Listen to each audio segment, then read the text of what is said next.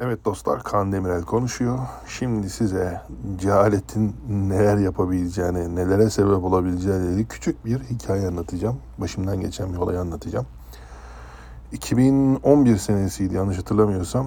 Ee, o zaman büyük bir tane benzin e, firmasının yani e, petrol firmasının İstanbul'daki genel müdürlüğünde çalışıyorum. Genel müdürlüğün bölge CEO'sunun yemeklerini yapıyorum o zaman. Bir telefon geldi. Dediler ki iş e, şey yapacağız size teklifinde bulunacağız. Gittim. Gider gitmez daha ilk şey yaptıkları kaç para verecekler oldu. Benim maaşımın o zamanki maaşımın dört katını veriyorlardı. Bir Şüphelendim dedim ki bundan önce niye maaşı söylüyor diyor. Sonra işte İngilizce seviyemi ölçtüler. Ona da tamam dediler. Ama beni şef olarak gönderecekler. Yemek biliyor muyum bilmiyorum. Hiçbir şey sormadılar. Dediler ki işte üç gün sizi şeye göndereceğiz. e, Azerbaycan'a göndereceğiz. Orada eğitim alacaksınız Bakü'de. Çünkü bir bosiyet denilen bir eğitim söz konusu. Ya dedim ben nereye gidiyorum? Dediler ki sizi bir tane petrol platformuna göndereceğiz. Drilling ship yani bir petrol arama e, gemisine göndereceğiz. Merak etmeyin çok güzel bir yer. Dünyanın en büyük gemisi. Şöyle güzel böyle güzel. E, dedim ki ya peki yani beni nereden buldunuz? Bu kadar parayı önceden niye söylüyorsunuz? Sebep ne? Dediler ki ya size açık konuşalım. Bizim oradaki Türk çalışanlarımızla ilgili problemimiz var. Bu bahsettiğim uluslararası bir firma çünkü. Türk çalışanlarla ilgili sıkıntı yaşıyoruz. Orayı bir toplamanızı, derleyip toplamanızı istiyoruz. Bahsettikleri de mutfak personeli. E, çünkü dediler işte kaptan, geminin kaptanı, iki kaptanı var geminin. E, 28 her gün çalışan. Onların ikisi de Türk çalışandan memnun değil. Türk çalışanlardan memnun değil mutfaktaki. Sıkıntı yaşıyorlar organizasyonda. Orayı bir toplamanızı istiyoruz. Dedik tamam. Gittik eğitimimizi aldık. Başardık. Aldık e, sertifikamızı. Gemiye çıktık. Helikopterle götürdüler bizi Samsun'dan. Gemi bu arada Karadeniz'de.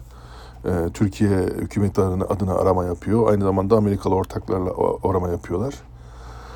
Daha iner inmez e, bir binmeden önce, e, helikopter binmeden önce bir briefing alıyorsunuz. Gemiye indikten sonra da bir briefing alıyorsunuz. Bunlar standart. Briefing bitti. Dediler ki e, Kaan kim? İşte benim.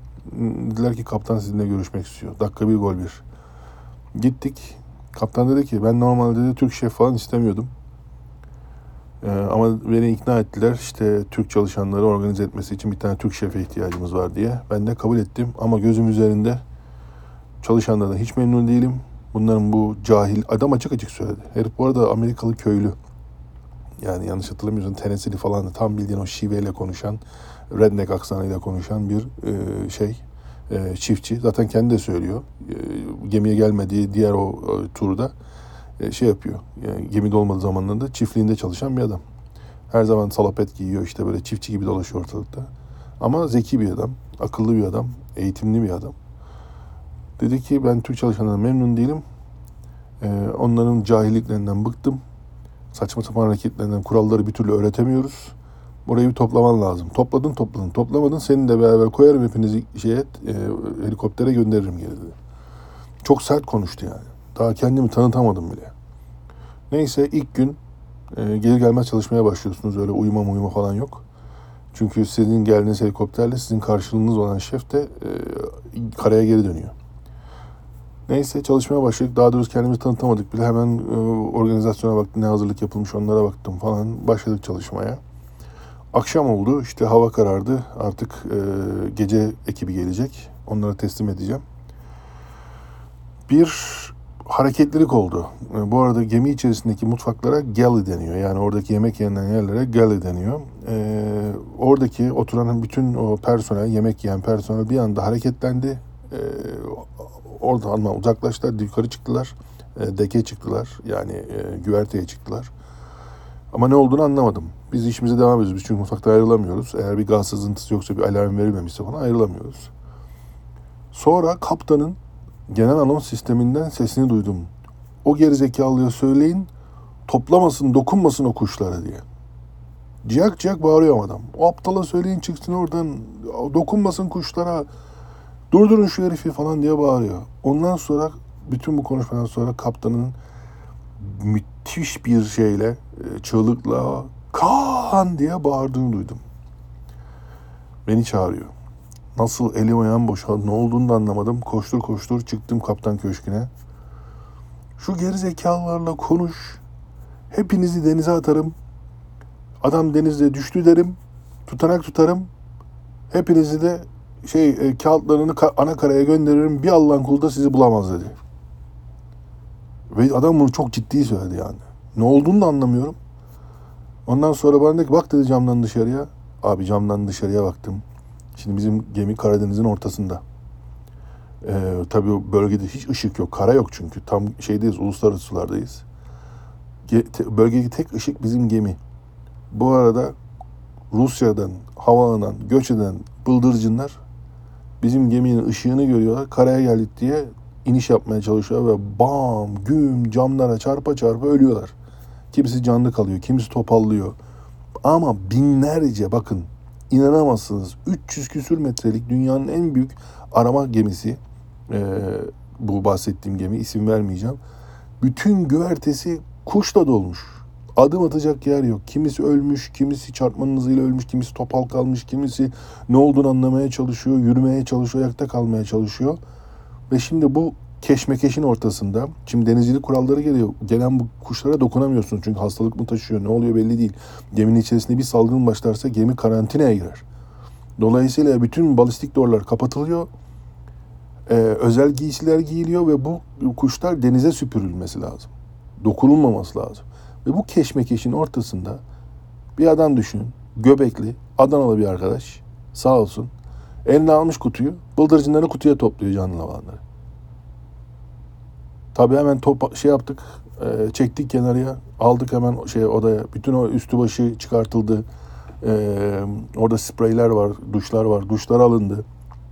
Yıkanması söylendi. Bu arada küfür ediyor. Bu insanca davranın bana bilmem ne diye bas bas bağırıyor ediyor falan. Ondan sonra dedi ki arkadaş camın arkasından konuşuyorum. Dedim ki arkadaş sen niye böyle bir şey yaptın ya? Niye dokundun? Ya dedi bunlar çok güzel bıldırcın. Bunlar dedi ben dedi zaten dedi hafta sonu benim uçuşum var dedi. Ben geri dönüyorum yanımda götüreceğim. Dedim abicim adam bas bas bağırıyor alma diye. O, o ne dedi ne anlar dedi. Bunlar dedi e, çok güzel kuşlar dedi. Ben de Adana'da bunlara bakarım dedi bilmem ne yaparım. Dedim abi bak her şeyi geçtim. Dedim ki sen bunu diyelim ki doldurdun kutulara. İzin verdiler sana. Helikoptere nasıl bindireceksin? Helikopter komutanı buna izin vermez bir. Hadi diyelim ki aldın. Sen Adana'ya Türk Hava Yolları'yla bu kuşlarla nasıl uçacaksın? Kutuda götürürüm ben diyor hala. Cehaleti görebiliyor musun?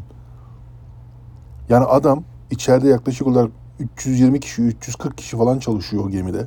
Bizler dahil. E, personel olarak. Hepsinin hayatını tehlikeye atıyor.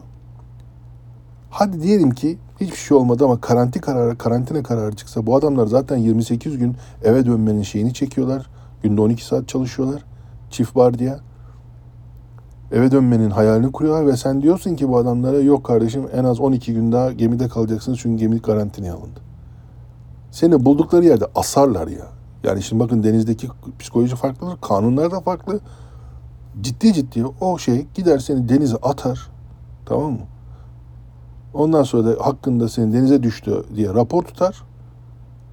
Olmadı mı? Bu oldu. Yani bundan 3-5 ay önce şeyde eee Adem Körfezi'nde miydi yanlış hatırlamıyorsam. Hint denizinde bir yerde Türk denizci hesapta düştü. Bir daha da bulamadılar. Sorarsan düştü. Ama ne oldu? Allah bilir. Yani. Yani cehaleti görebiliyor musun? Adam hala inatlaşıyor. Hala inatlaşıyor. Yani diyor ki ben kardeşim götürürüm bunları bir şekilde. Ben bakın hala anlamıyor mevzuyu yani. Anlamamakta da ısrar ediyor. Cehalet işte böyle bir şey. Cehalet her şeyi bildiğini zannetmek ve bunda da ısrarcı olmak yani. Kafa çünkü pırıl pırıl yani. Hani bu sadece Türkiye'de de böyle değil biliyor musun? Yani insan zannediyor ki ya Türkiye'nin koşullarında işte bu başımıza gelenlerin sebebi Türkiye'deki bu cehalet ortamı. Yani bu hükümeti başta tutan bu cehalet ortamı falan ama dünyada her hemen hemen her yerde var bu cehalet. Ben hep söylüyorum Amerika e, hani hep derler Türkiye küçük Amerika. Ha, gerçekten öyle yani Amerika'nın da Türkiye'den bir farkı yok. Bu cehalet burada da var. Şaşırtıcı ama öyle. Zaten o cehaletten besleniyor politikacılar. Trump niye seçildi? O cehaletten yararlandığı için seçildi. Ama Amerika ile Türkiye arasındaki fark burada sistem var. Trump'ın anasını belledi. Hala da seçilememesi, bir daha da başkanlığı adaylığını bile koymaması için her türlü e, çarkı çalıştırıyor yani sistem. Yani sistem burada halkın o cehaletine bırakmıyor işi. Bir noktadan sonra kontrol eline alıyor. Yani o e, Adanalı bulaşıkçı arkadaştan bir farkı yok insanların. Aynı cehalet devam ediyor. Evet dostlar, e, bu da bir anıydı. Sizlerle paylaşmak istemiştim. E, kim dinliyor bilmiyorum ama inşallah hoşunuza gitmiştir. Kendinize dikkat edin. Görüşmek üzere. Kaan Demirel konuştu.